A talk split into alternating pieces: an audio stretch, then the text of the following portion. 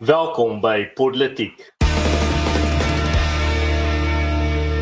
My naam is Daniel Elof en saam met my in die virtuele ateljee vandag is Paul Marits en Erns van Sail. En in vandag se episode, Zuma wat vuil speel, Eskom tariewe steel en Sonna verveel.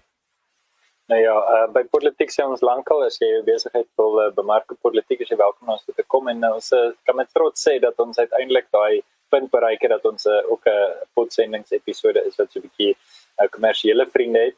Ehm um, vandag se episode word met trots geborg deur Quaint Metal Energy, vinnige betroubare en skoon brandstof. Skakel vir Freddie Hannibal by 060 966 9194. Ons het onlangs vir Freddie ontmoet en uh ons lekker om saam te werk. Nou ja, julle kom ons op ons is bietjie hierdie week se politiek op daai hoogtepunt en positiewe noot en ons kom sommer af met die eerste bespreking wat natuurlik gaan oor die Zondo-kommissie en wat daaraan gaan. Dis een van ook hierdie deurlopende temas wat ons op politiek uh, byna byna elke week bespreek. En ons het hierdie week gesien dat president Zuma weier om voor die Zondo-kommissie te verskyn ondanks die feit dat die grondwetlike hof hom beveel het om daar te verskyn en dit het nou so 'n bietjie van 'n grondwetlike krisis vir Suid-Afrika veroorsaak. Ehm um, ek dink uh, dalk moet julle sommer wegspring met die bespreking. Ek dink van my kant af al wat ek kan sê is hierdie dink ek is 'n absolute draaipunt in die Suid-Afrikaanse demokrasie en dit gaan ongelooflik belangrik wees om te sien dat gelykheid voor die reg en die oppergesag van die reg behoorlik gehandhaaf word want die belangrike punt van die oppergesag van die reg is dit moet geld wanneer die heel sterkste en magtigste mense ehm um, dit dit oor hulle pad kom. Dit help nie ons dwing dit af op Jan Alleman nie want die punt is Jan Alleman uh, het nie die mag wat meneer Zuma het nie en hy kan meneer Zuma kan redelik maklik hier reg uh sy stap en dit gaan 'n interessante vraag wees uh, wat die ANC gaan moet antwoord oor of hulle werklik dan nou uh gaan dwing dat meneer Zuma voor die kommissie verskyn. Uh, ek dink die een punt wat ons net moet maak is dis nie eintlik asof meneer Zuma hier op groot risiko is nie. Ek bedoel ja, hy kan homself inkrimineer, maar die punt is dis dis net 'n uh, ondersoekkommissie. Dis nie 'n strafregtelike verhoor nie. Hy kan nie tronk toe gaan as gevolg van hierdie nie. Hy kan dalk goed sê wat op die ouene kan lei dat hy tronk toe gaan, maar dis so tipe van 'n e, eerste hekkie wat hy nog nie eens oorkom nie en nie eens bereid is om te oorkom nie. En my vermoede is die rede hoekom hy doen is hulle hou maar hulle kaarte na in hulle bors dat sou dit nodig word dat hy later in 'n strafregtelike geding betrokke is, dan kan hy uiteindelik sy weergawe behoorlik stel. Uh en en dalk 'n laaste punt wat ons moet in ag neem is hierdie is deel van 'n baie langer dispuut met meneer Zuma. Die kyk die die meneer Zuma aan die strafhof kom al 'n lang pad en dit sedert die laat 90's met die die wapentransaksies uh, kom dit al vandaan en hierdie is nou maar net deel van daai breër stryd teen meneer Zuma om geregtigheid te laat geskied. Ja, so um, wat my betref dink ek is twee kwessies. Die eerste ene, soos wat jy reg uitwys Daniel, is die kom ons noem dit die, die polities filosofiese kwessie en dis die vraag oor die gesag, uh, die oppergesag van die reg. Nou wat dit effektief beteken, soos wat jy reg verduidelik het, en wat dit op neerkom is wanneer 'n groep mense bymekaar kom en sê, "Goed, ehm um, wanneer ons absoluut vry is, met ander woorde wanneer elkeen van ons alles kan doen net wat ons lus is, dan het elkeen van ons ook die reg om die ander dood te maak en ons elkeen het ook die risiko dat ons doodgemaak kan word. So ons gaan en ons sê goed, ek stem in daartoe. Uh, in in ons tyd het ons dit nie aktief gedoen nie, maar dink jouself in die eerste ehm um, beskawings wat saam begin woon het in dorp. Hulle sê goed, ek gee my reg op om jou dood te maak. Ek sal dit nie meer doen nie, maar dan gee ek ook die vrees op dat jy my sal doodmaak en ons voel hierdie mag. Daniel lag en almal spot my want ek is altyd besig met filosofie. Maar as jy verstaan nee, ek, ek, ek, ek lag net ek lag dit oor oor jou reg om ander mense dood te maak. Dit is dis baie Hobbesian. Nee, dit is dis eh, en en ja, die van julle wat volgers is van politieke filosofie Thomas Hobbes natuurlik het die gedagte van hierdie absolute staat eintlik mooi gekristalliseer. En dit kom eintlik volgens ander bronne uit uit Oosterse filosofie uit, maar in die weste Thomas Hobbes het eintlik ons uitgeleer. So net om dit eenvoudig te stel, wat ons met ander woorde sê is daar's 'n reg en die reg kom voor enige ander vryheid wat jy het en daai reg is bo enige mens gestel. Nou baie interessant. Op watter punt lê hierdie ehm um, persoon bo die reg? Met ander woorde, wanneer hoef 'n persoon hom of haar nie te steur aan die reg nie? Nou, daar's 'n ou gesegde in Brittanje, king can do no wrong. So tegnies en ek weet nie wat al probeer is nie, maar 'n koning kan streng gesproke nie noodwendig in Brittanje voor die hof verskyn nie alhoewel dit nog nie onlangs probeer is nie. So ek wonder wanneer 'n koning nou regtig teen wette um, ingaan wat hulle in die moderne sin sal doen. Ek vermoed 'n koning sal selfs, jy weet, voor hof moet verskyn, maar dis nou nie regtig iets wat oomblik relevant is nie. Maar op 'n ander punt wanneer iemand hulle self voor die reg plaas, is absoluut wanneer daar tirannie is. Tirannie se eenvoudige definisie is 'n leier of 'n mens of 'n persoon eenheid kan enigiemand wees wat hulle nie aan die reg steur nie en aan wie die reg dan niks kan doen nie. Baie van ons steur ons nie aan die reg. Ek het eendag tussen Klerksdorp en uh, Wolmaranstad 140 gery. Toe kry ek 'n boete vir R700 want ek het my nie aan die reg gesteur nie en toe kom die reg en sê vir my wel, hier's vir jou boete. So ek het my ek het myself bo die reg gestel. Ek nie te luister vir die 120 word nie. Wat gebeur? Ek kry 'n boete en ek word deur die reg bestraf. Daniel is so ontstel deur hierdie storie hy loop so. Die punt is dat ehm um, die, die die punt is dat die reg dat geen persoon bo die reg gestel is. Dis die een. So ek, ek dink dit het ek gestel. Dis hoekom hierdie 'n massiewe risiko is, want ons loop die risiko dat jy 'n beginsel gestel word. President Zuma se uit hy gaan teen teen een nie, jy weet op 'n vuur waar deur Pretoria gery kom in die land oorvat nie maar die punt bly staan uh, dat hy besig is om met opset teen die reg in te gaan en die vraag is wat gaan nou gebeur. Ek dink die volgende vraag en dit was ek dink twee weke terug toe ek gepraat het op politiek uh, was dit ook my onderwerp maar ons moet kyk na wat binne die ANC aangaan. Ek dink nie vir meneer Zuma gaan hierdie so seer oor die Suid-Afrikaanse grondwet of oor die Suid-Afrikaanse strafproses of enigiets van dit. Ek dink hy toets vir Cyril Ramaphosa en hy sê basies vir hom kom ons kyk of jy het vir dit vat want hy weet Ramaphosa het nie die tipe populariteit in die ANC wat nodig is om so 'n tipe groot skuif te maak nie. Ja, Ramaphosa het die ondersteuning van die anti-korrupsie faksie. Ja, Ramaphosa het die ondersteuning van die Mbeki kamp, maar hy het nie die tipe tipe populariteit wat Zuma het met sy Robben Island uh kan ons sê titels en credentials die Engelse woord kan gebruik. En Zuma toets die ANC. Ek dink Ramaphosa is in 'n baie moeilike posisie. Ehm um, want natuurlik almal van ons het en die wêreld wat wat in Suid-Afrika wil belê en so voort, het geglo Zuma uh, gaan uiteindelik, jy weet, gestraf word vir wat hy gedoen het en nou lyk dit maar weer eens asof daar binne die ANC nie noodwendig die mag is om ietsie aan te doen nie. En dit is die eintlike vraag. Uh en ek dink dis vir ons ons oë op behoort te wees in die volgende paar maande en spesifiek in die volgende 22 maande soos ons opbou na die 2022 verkiesing van ANC leierskap toe. Hmm. Uh nee, ek stem absoluut saam Paul. Ek dink iets 'n uh, stilte wat regtig weer galm is definitief die stilte van president Cyril Ramaphosa af en jy het nou reg daar uitgewys hoekom hy wat dalk die redes agter hierdie stilte is. Ek bedoel hy het nog glad nie homself sterk uitgespreek teenoor hierdie een van die grootste stories in die afgelope dekade in Suid-Afrika nie. Ehm um, wat hy wel gesê het is hy het nogal uitgesê uh, uh, vorige president Zuma het spasie nodig en tyd om te dink uh, is wat uh, president Cyril se woorde was.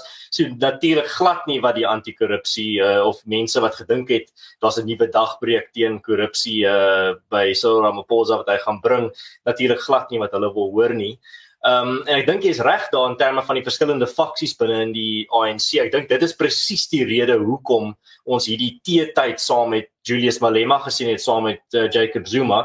Dit is nie net iets wat hulle eendag oor uh, WhatsApp besluit en gesê ag dit sal nogal oulik wees ons kan 'n mooi paar mooi foto's kry as ek en jy tee saam drink nie.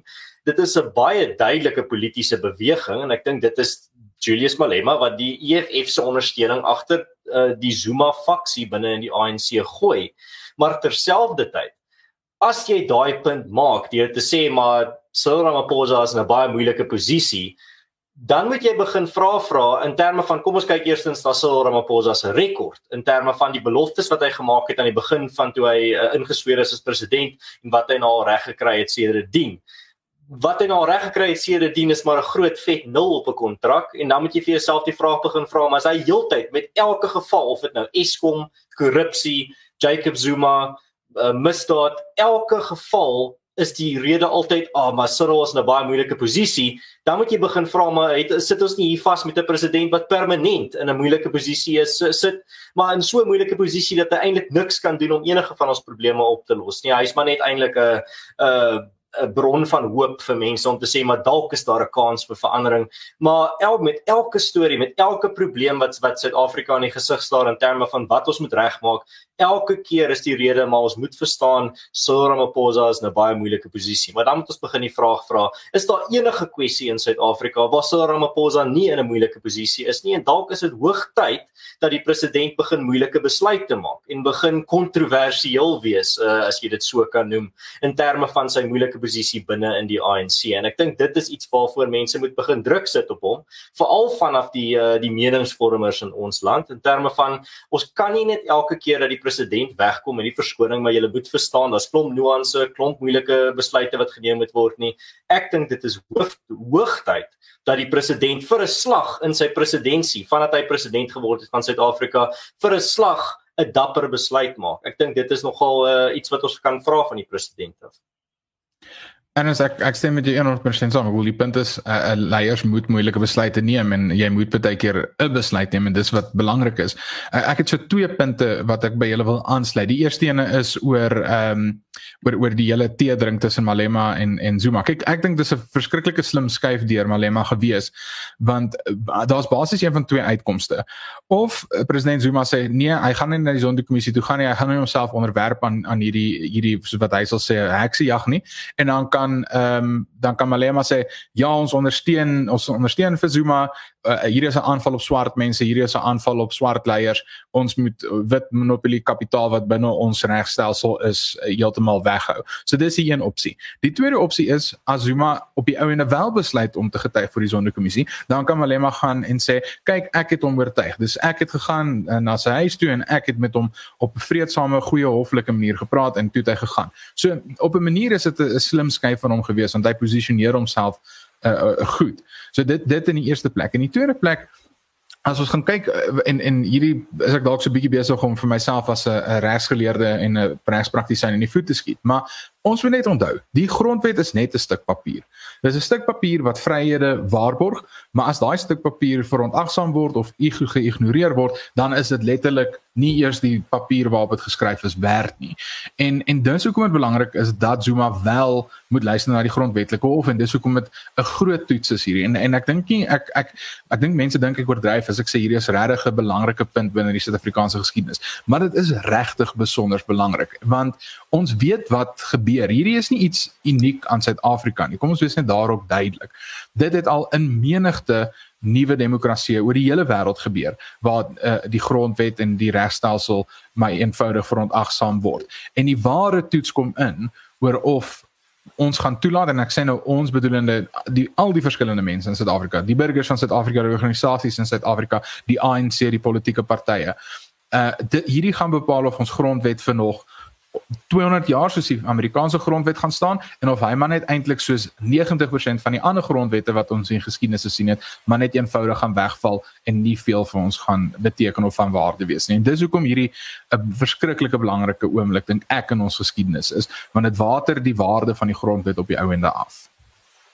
Ek wil vinnig twee opmerkings maak hier. Die een is ons moet dophou wat in Hoofstroom Media hier nie. Dit is my baie interessant ons het natuurlik gesien die laaste 12 maande van president Zuma se termyn hoe hoofstroom media en ek praat veral van die groot media huise in Suid-Afrika eintlik Ramaphosa vorentoe gestoot het. Ons het daai tyd, um, dit was net politiek het omtrent net na dit begin, maar ons het baie pertinent gesien hoe hoofstroom media Ramaphosa sien as hierdie held en hierdie kampioen en hy het besigheidservaring en hy's 'n multimiljardêr en dus moet hy goed wees. Dit was die aanname. Ehm um, en en dis iets wat ons dalk moet hou is hoe hulle reageer of ten minste hoe hulle nie reageer nie. Hulle gryp na grashalms om te probeer bewys hoe, jy weet, sy toespraak was eintlik goed en hy's nie eintlik korrup van die bees nie. En John Marshall, nou nou as ons 'n bietjie oor die staatsrede praat, sal ons daarna kyk. Maar hoofstroom media se reaksie gaan interessant wees. Verder die ander ding wat ek vinnig wil noem is die hele gedagte van Ramaphosa. Ehm um, wat hulle in 'n moeilike posisie gesit het. Oomblik wat jy sê hierdie persoon gaan ons kom red of hierdie persoon gaan groot veranderinge teweegbring, dan hang jy in 'n mate daai kan ek sê daai opskrif om hulle nek en dan word hulle pertinent dopgehou. Nou moet jy vir jouself vra, Ehm um, jy weet, hoe lank gaan ons vir Ramaphosa vergewe? As ek reg is, het hy 18 Februarie 2018 uh, oorgeneem. So môre is dit 3 jaar. Hoe lank het jy nodig om Eskom reg te kry? Hoe lank het jy met met 'n absoluut eintlike onbeperkte begroting? Hoe lank het jy nodig om korrupsie aan te spreek met uh, met 'n onbeperkte begroting vir vervolging? Uh, ons moet op 'n punt kom wat mense moet besef wanneer ons Ramaphosa kritiseer is dit nie 'n klomp Afrikaanse ouetjies wat bitter is omdat ons universiteite vir Engels het. Ja, dit ook, maar ek is nou regtig eerlik as ek vra eh, hoe lank het jy nodig? Ek meen, jy weet, 'n ou het gekwalifiseer as 'n jy weet hy hy 2 of 3 grade, hy het suksesvolle besighede gebou, hy het ANC die paadjie gestap. Eerlikwaar, is dit so moeilik om net basiese goed gedoen te kry? Ehm, um, maar goed, gepraat daarvan, dit is die mees organiese oorgang na 'n volgende onderwerp toe wat ons in politiek se geskiedenis gehad het. Want sekerlik die grootste mislukking waarmee Ramaphosa al van 2014 af opgesol is, is Eskom. Nou wil hulle nog geld hê om vir ons nog minder krag te gee en um, voordat ek beledigings gee erns miskien te oor. ja, Paul, so ons het nou hierdie week gehoor dat uh, die Gautengse Hooggeregshof het vir Eskom toestemming gegee om nou hulle tariewe te mag uh laat toeneem met amper 16% wat beteken dat elektrisiteitskoste vir die gewone verbruiker met rondom 15% gaan toeneem. Nou ek bedoel ek dink dit is seker die enigste een van die min gevalle in die wêreld waar jy meer betaal vir slegter diens jaar op jaar. Ehm um, dit is 'n absolute net bizarre verhouding tussen uh prestasie of eintlik wanadministrasie en uh kostes. Uh en wat ons eintlik hierso sien is dat wanadministrasie word beloon en daar word nie regtig enigsins 'n straf uitgedeel nie. Nou wat hiervan gaan kom is as dit die eerste keer was wat hierdie as verskoning gebruik was wat gesê het maar ag Eskom is in baie skuld. Ons moet net bietjie die tariewe verhoog sodat hulle dit kan afbetaal en dan gaan dinge reggeruk word. As ons nie al klaar hierdie storie al 100 keer van tevore gehoor het nie, kom ons dalk nog hierso 'n paar verskoningkies uitgedink het en gesê het miskien is dit nou Eskom wat nou uh op die regte pad gesit word. Maar hierdie is dieselfde storie wat ons al hoor uh voor van voordat politiek al eers 'n potsending is. So ek dink nie regtig enigsins uh hierdie gaan 'n klomp vertroue in verbruikers um opwakker nie. En wat ons nou hierso sien met Eskom is dat hulle maar net voor Peter met presies dieselfde gedrag, presies dieselfde patroon van slegter uh diens en meer betaal word. En ek weet nie waar dit gaan eindig nie. En weer eens kom dit terug soos dat jy nou net uh gebruik het om ons in hierdie storie in te um in te lei Paul dit bring ons terug by Ramaphosa, iemand wat al in 2014 ge um in beheer gesit was om vir Eskom reg te ruk ek ek dink net om vir mense perspektief te gee. Beerdkrag het begin rondom 2007, uh eintlik baie baie sterk in 2008, maar amptelik rondom 2007.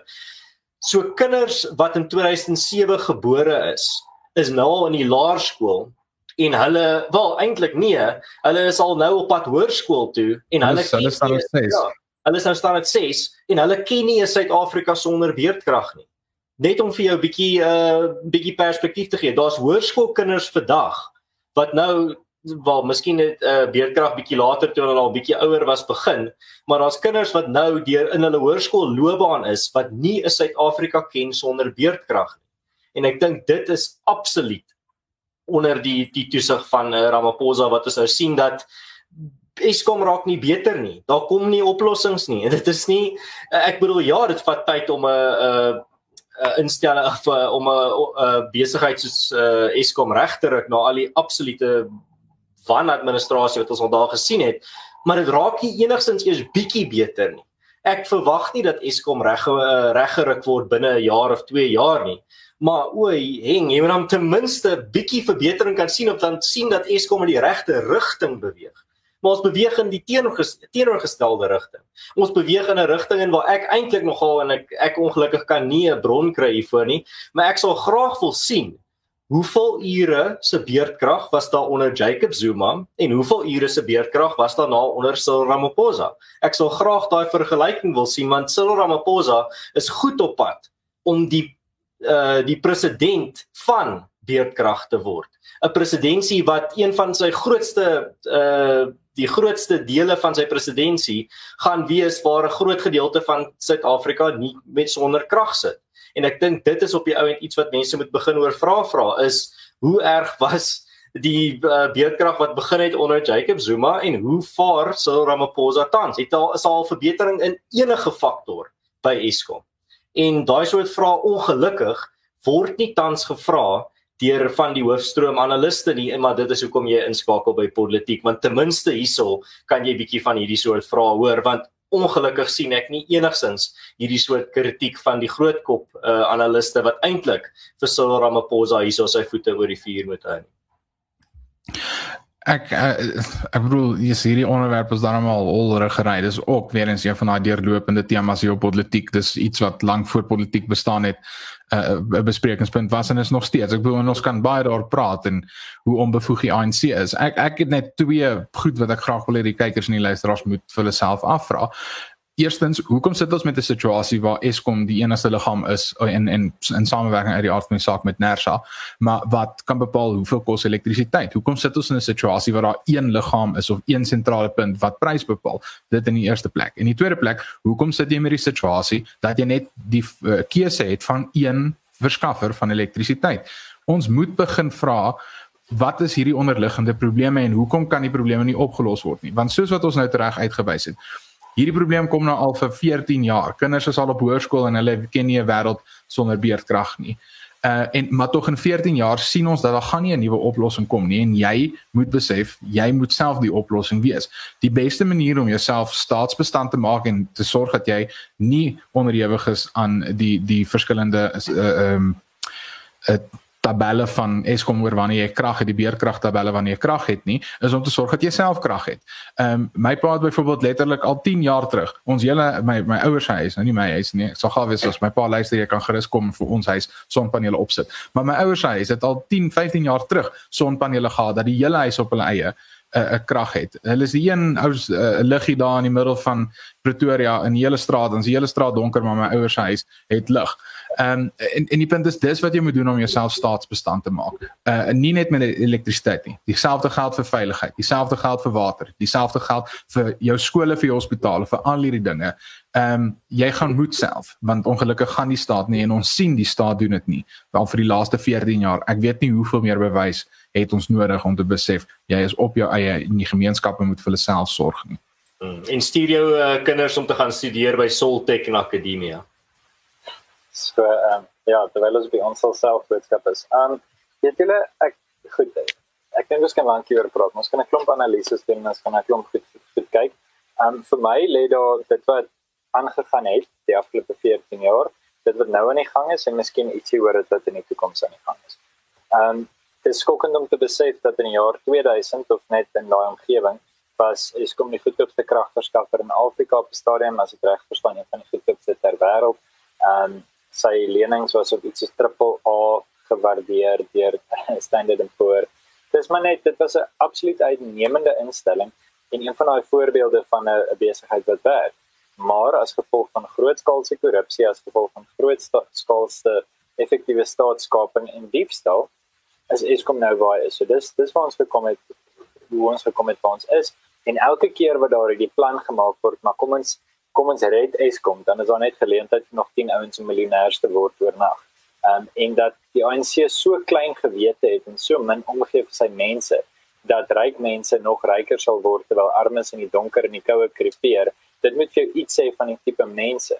Ehm um, en dis verskriklik om te besef dis die tipe mense wat ons land regeer. Hulle sal liewer laat hulle eie mense fisies in die donker te sit en probeer om by maanlig matriek deur te kom as om net vir een oomblik nie aan leie sakke te dink. En dit is verskriklik. Ehm um, wat nou in die gang is is dat daar op groot skaal ontwikkeling is van tegnologie wat ons onafhanklik sal maak. Ons weet dat dit nie regtig in Suid-Afrika gebeur wat die ontwikkeling betref nie, maar ons weet dat Tesla alreeds dakdeels het wat sonkrag kan opwek. Ehm um, die huidige sonpanele gaan goedkoper en goedkoper word. 3D drukkers gaan hulle hulle rol begin speel en ons sal wegkom van dit af. Dit is 'n feit soos wat jy in die middeleeue afhanklik was van die koning om jou grense te beskerm en effektief jou lewe te beskerm, maar mettertyd kon jy jou eie muur begin bou, mettertyd het jy jou eie wapens begin kry, mettertyd het jy onafhanklik geraak van daai behoeftes. Glo ek vas dat onafhanklike krag goedkoper en goedkoper sal raak. So hulle is welkom om Eskom se krag duurder te stoot. Elke keer wat hulle 16% toename op 'n prys vra, maak hulle dit vir nog 1000 mense meer ekonomies sinvol om hulle eie krag op te wek. Um, en uiteindelik gaan hulle op 'n punt kom wat hierdie massiewe ding met massiewe lenings niks werd is nie, want hulle het al die gebruikers weggestoot. Oor Eskom het ek al baie gesê as jy wonder gaan kyk maar net deur seker elke derde politieke episode vir die afgelope 3 jaar. Maar die eenvoudige punt is dat die rede aanvanklik was dit 'n monopolie want dit moes 'n monopolie wees want daar was behoefte niemand anders het op die kapitaal gehad behalwe die staat nie en dis meer. En baie besighede begin so. Maar hier's die ding, Die oomblik wat privaat maatskappye kan begin kompeteer, glo ek dis oneties om hulle uit die mark uit te hou as jy 'n staat wil wins maak. As jy kan bewys dat op die groot skaal gaan hulle die massas uitbuit. Goed, kom ons voer daai gesprek. Maar ek kan nie dink aan 'n geval waar dit sou gebeur nie en as jy internasionale rolspelers soos Duitsers, Amerikaners, Indiërs en Chinese sou toelaat om uh Suid-Afrika van krag te begin voorsien. Dan weet Eskom hulle gaan sukkel, maar ons weet ook tussen mekaar dit sal Eskom tot verantwoording hou. Baie dieselfde as vir die Wes-Kaap, die ander agt provinsies tot verantwoording hou. Baie dieselfde as wat Soltech en Etiwet colleges verantwoordelik hou. Die punt is as daar 'n alternatief is, kan mense sien hoe swak gaan dit in Suid-Afrika. Maar vir nou is dit net die mense met die syfers voor hulle wat dit besef. En dis skok. Hmm. Uh my laaste gedagte daarso is eintlik maar net weer iets wat ek al in die verlede gesê het, maar wat ek weer wil uh beklemtoon. En uh dit is as jy 'n politiek luisteraar is, uh en daar's iemand wat jy ken of dit nou 'n vriend of 'n familielid is wat nog 'n uh, nuwe dagbreker is, uh is dit nou absoluut belangrik om in terme van om die zeitgeist te, te swaai om regtig te begin krities wees teenoor Cyril Ramaphosa en sy administrasie. Dit is nie meer van verskonings maak nie, dis nie meer van Cyril kort meer tyd nie julle moet begin krities wees teenoor hierdie administrasie en as jy iemand in jou lewe het wat nog en wat nog dink Cyril gaan 'n nuwe dagbreek bring want sou jy kort dit eintlik want uh die krag is af so ten minste kan jy bietjie natuurlike lig kry van die son wat opkom. Maar as jy nog enigiemand ken wat nog 'n nuwe dagbreker is jy moet eintlik maar probeer om hulle te rehabiliteer. Jy moet hulle na realiteit toe bring en meer mense moet besef dat uh, ons kan nie meer staat maak op uh, politisie om ons te red nie soos Daniel nou net gesê het ehm um, ons moet begin om self goed te doen en as gemeenskappe saam te kon en self oplossings te vind en gelukkig uh is daar al klaar baie organisasies en individue wat dit doen. So ek dink dis definitief die toekoms. Nou en ons kan ek net dalk daar daar vinnig inspring om te sê ja. dat Ons het voor die tyd toe sit ons nou so in gesels oor vandag se episode net net voordat ons uh regstreeks gegaan het en ek het wil nog gesê ek dink hierdie die Eskom onderwerp gaan die onderwerp wees wat ons die kortste bespreek. Maar maar dit wys jou net dit dit gaan weer eens oor daai dit dis 'n basiese en dis ek bedoel elektrisiteit is nie 'n basiese behoefte nie, is nie kos of keer of so nie, maar dit is 'n verskriklike belangrike deel van ons lewe en ons wêreld veral in hierdie moderne wêreld. En dit het nou net weer vir my verkeerd bewys kyk dit dis 'n besonderse belangrike punt vir nie net vir ons drie nie, uh maar vir alle Suid-Afrikaners en dis hoekom ons so verskriklik lank nou toevallig aan hierdie spandeer het al ek gedink dit gaan nie so wees nie. Ja, en ek dink dis absoluut weens die rede van hoe hoe brood nodig uh stabiele energie uh is vir 'n ekonomie in terme van elektrisiteitvoorsiening. Ek dink regtig sonder dit kan 'n ekonomie geensins uh vooruitgaan nie en nog minder herstel van 'n ramp. So dit is nommer 1 in terme van hoe om jou ekonomie te herstel is om seker te maak daar is elektrisiteit vir besighede. Ek bedoel ja, dit is ongerieflik as jy nou moet uh koffie maak op die gasstoof, maar dit is baie meer as net ongerieflik as jou besigheid staat maak op elektrisiteit en jy moet nou ekstra duisende rande betaal om jou uh, besigheid 'n generator te gee. So dit is regtig vir my ek dink iets wat 'n teerpunt is vir Suid-Afrikaners as dit kom by veral besigheidsmense. Maar ek dink iets wat nogal uh, in ons volgende onderwerp inlei is die feit dat daar was een dag waar daar wonderbaarlik geen beerdkrag was nie. Dit was die dag wat uh, president Ramaphosa sy staatsrede gegee het. En uh, Paul, kan jy uh, vir ons bietjie meer daarvan vertel?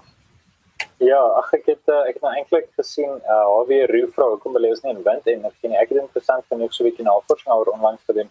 Windenergie is nie so eintlik so vriendelik vir die omgewing of so goedkoop of dit dit, dit is nie regtig noodwendig die beste oplossing nie, maar goed, ons gaan daai onderwerp dalk 'n ander keer 'n bietjie meer diep bespreek.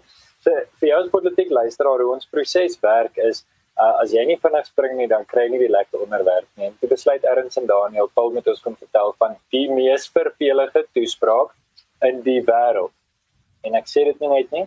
Ek is nie iemand wat nie hiperbole praat nie. Dit was die mees vervelige toespraak in die wêreld in die geskiedenis. Ek dink as ons 'n somtelling gaan doen van hoeveelheid breinselle wat oorlede is oor Suid-Afrika in daai tyd, dan gaan dit skokkend en kommerwekkend wees. Kom ons praat oor die staatsrede, ehm um, die staatsverveling.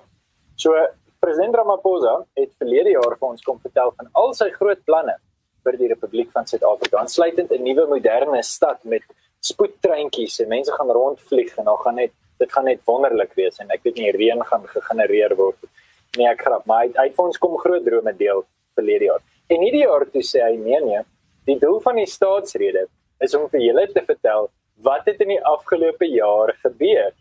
So hy hoef nie te praat oor die toekoms nie. Dis nie sy werk nie. So wat kan hy vir ons sê? Hy kan ons sê wel ons het regtig gesukkel, maar die hele wêreld het so. Ek meen, dis net rustig op ons. Goed so, eintlik effektief het hy vir ons vier goed gesê. Hy het ons gesê wat hulle doen om COVID-19 aan te spreek en die antwoord is inentings waarvan hy alreeds een gekry het. Ons 40 miljoen inentings op pad, dit behoort 2/3 van die mense uh, inentings te gee wat dan kudde immuniteit kan bewerk net so nou iets daaroor sê.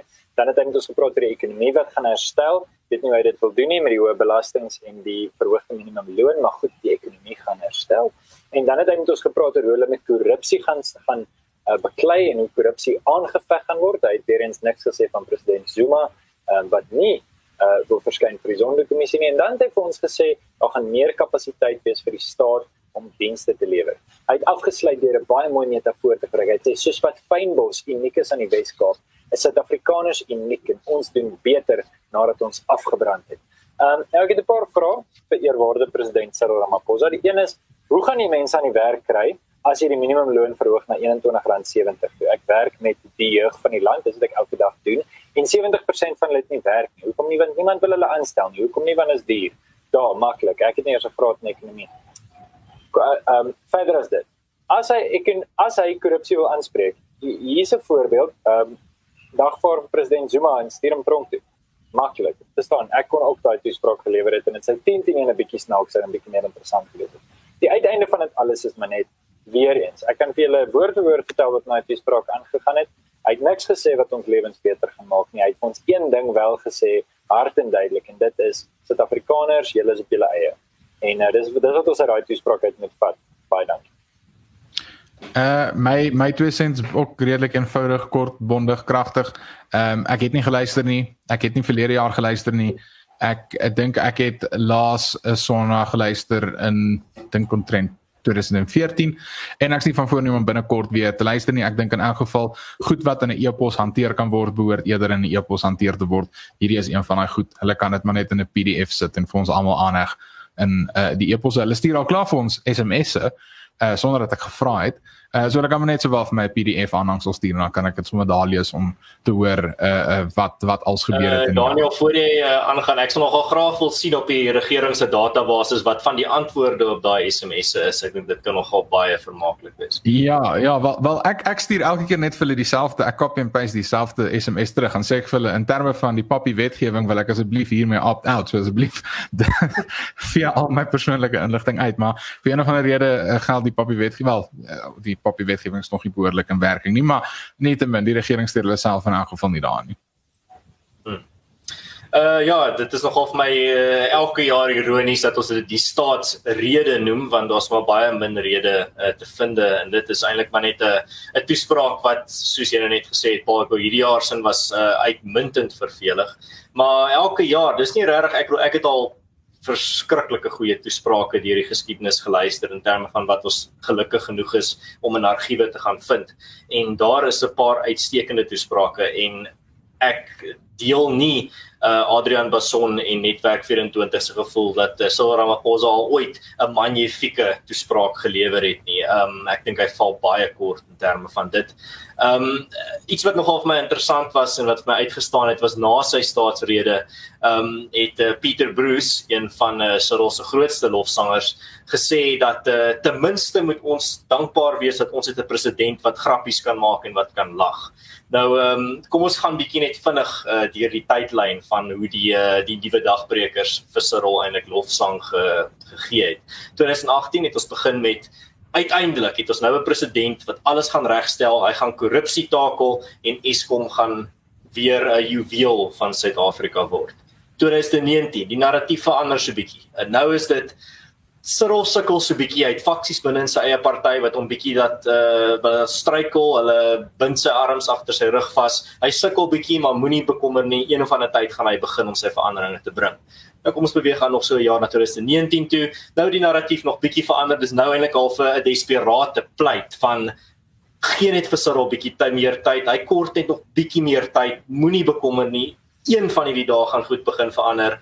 2020 is dit nog steeds presies daai nog net bietjie meer tyd asseblief nog net bietjie meer tyd 2021 is die narratief nou en dis waar ons nou tans sit ons moet dankbaar wees dat ons president kan 'n grappie vertel en bietjie lag nou as ons kan terugdink aan ons vorige president uh, Zuma nou dit was 'n man wat uit sy maag uit kon lag en wat baie gehou het van 'n grappie maak gedurende sy toesprake maar snaaks genoeg het hy nooit daai selfde soort verskonings ervaar nie.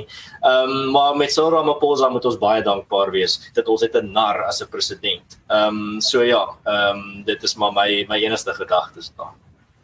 Alright, ehm um, ja, ek dink hieroor gaan ons seker baie lank kan praat. Ek ek wil afsluit oor die staatsrede deur die volgende te sê. As Suid-Afrikaners was ons vir baie lank geleer en ek dink ons ouers was so geleer en dalk hulle ouers en ek dink dit is reg oor die wêreld 'n tendens. Wanneer jy 'n probleem het, kan jy die regering bel, iemand kan kom en jou kom help. Dalk die polisie, dalk die brandweer, dalk die parlementslid wat ook al. Ronald Reagan se woorde in die 80's was die gevaarlikste woorde is iemand wat vir jou sê ek is van die regering en ek wil jou help. Ons moet besef Ehm um, dit word meer belas as enige generasie voor ons. Ons kry minder dienste as enige generasie voor ons. En wat hierdie staatsrede eintlik effektief vir ons sê is dat die afstand tussen ons en ons regering kon nie groter wees. Hulle het geen idee wat op die grond aangaan nie. Dit gaan met hulle uitsonderlik goed terwyl dit met die res van ons uitsonderlik sleg gaan. En daarmee bedoel ek nie dat ons honger is nie. Ehm um, ons het die geleentheid om nog aan te gaan. Ek dink ek self is dankbaar dat ek in 'n redelik voorregte posisie is en ek ontken dit. Ehm um, ek dink nie dis is gevolg van die redes wat hulle voorhou nie, maar ek is dankbaar vir dit wat ek het. Ehm um, daar's baie mense in hierdie land wat baie swaar kry, wie se swaar kry vererger word hierdie party na wie hulle opkyk om hulle te help. En as dit is waar ons nou is en as mense weier om dit te sien, dan kan ons so 'n tipe sonna verwag die volgende 15 jaar ten minste. Nou ja, kom ons sluit dalk 'n bietjie af op 'n uh, meer positiewe noot en ek moet sê hierdie is 'n storie wat vir my uh, regtig 'n uh, besonderse positiewe noot is want ons het vroeër episode gepraat van ons moet self uh, en uh, alhoewel ek moet sê daai die die hele ons soek self liedjie is dalk nie heeltemal so catchy soos wat ek wou gehad het hy moet wees nie maar die punt is die die slagspreuk werk fantasties want hier gebruik ons dit sommer in politiek ook. Uh, ons het hierdie week, eintlik verlede week gesien dat uh, solidariteit het uh, die Soltech kampus uh bekend gestel. Die nuwe Solte kampus wat net in ek dink 15 maande gebou is vir onder 3 miljoen 300 miljoen rand. En ek ek wil twee goed daar sê. Die eerste een is die kontras natuurlik met hoe effektief die vakbond solidariteit hierdie kampus gebou het teenoor hoe oneffektief die staat geld spandeer is. Verskriklik duidelik. Um, en die tweede punt is wat vir my baie bemoedigend was is hoe positief meeste Suid-Afrikaners gereageer het op hierdie nuus. Uh, dit dit was regtig iets wat klomp mense het gesê, weet jy, hierdie is merkwaardig. Uh en en kudos vir solidariteit dat hulle dit reg gekry het en hier praat ek van mense dwars oor die politieke spektrum. Uh het mense regtig dink ek uh, waardering en respek vir wat solidariteit binne 15 maande reg gaan kry.